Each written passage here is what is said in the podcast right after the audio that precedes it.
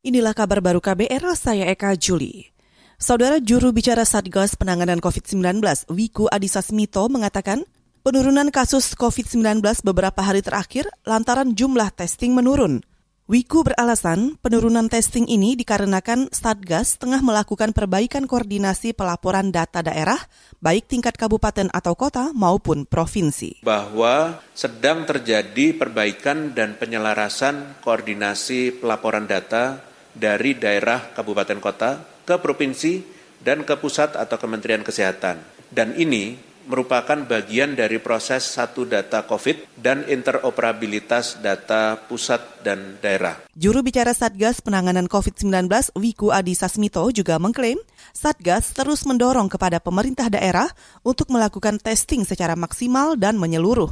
Hal itu sebagai upaya deteksi dini terhadap kasus positif COVID-19 di masing-masing daerah. WHO menetapkan standar pemeriksaan satu orang tiap seribu penduduk per pekan.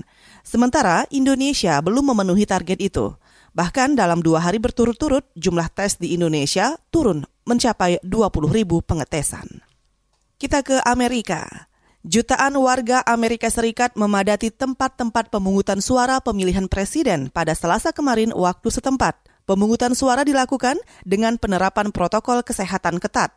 Berikut laporan dari tim VOA Amerika. Di tengah-tengah pandemi virus corona yang tidak terkendali di Amerika, lebih dari 99 juta warga telah memberikan suara lebih dini dari hari H pemilihan. Ini adalah dua per 3 dari seluruh suara yang diberikan pada pemilihan 2016 yang waktu itu berjumlah 139 juta. Tetapi karena undang-undang di masing-masing negara bagian yang mengendalikan bagaimana penghitungan suara lewat kartu pos suara dilakukan, hasil pemilihan ini masih belum diketahui selama beberapa hari. Amerika memperlakukan sebuah bentuk demokrasi tidak langsung bukan berdasarkan jumlah total suara pada tingkat nasional untuk memilih pemimpinnya. Hasilnya akan diputuskan berdasarkan hasil pemilihan per negara bagian dan pemenangnya harus meraih 270 suara elektoral dari ke 538 anggota Electoral College. Saya Madioni, VOA. Kita ke berita olahraga. Liverpool dan Real Madrid sama-sama meraih kemenangan dalam laga ketiga Liga Champions dini hari tadi. Bertandang ke Stadion Atleti Azzurri di Italia, Liverpool bukan lawan sepadan Atalanta.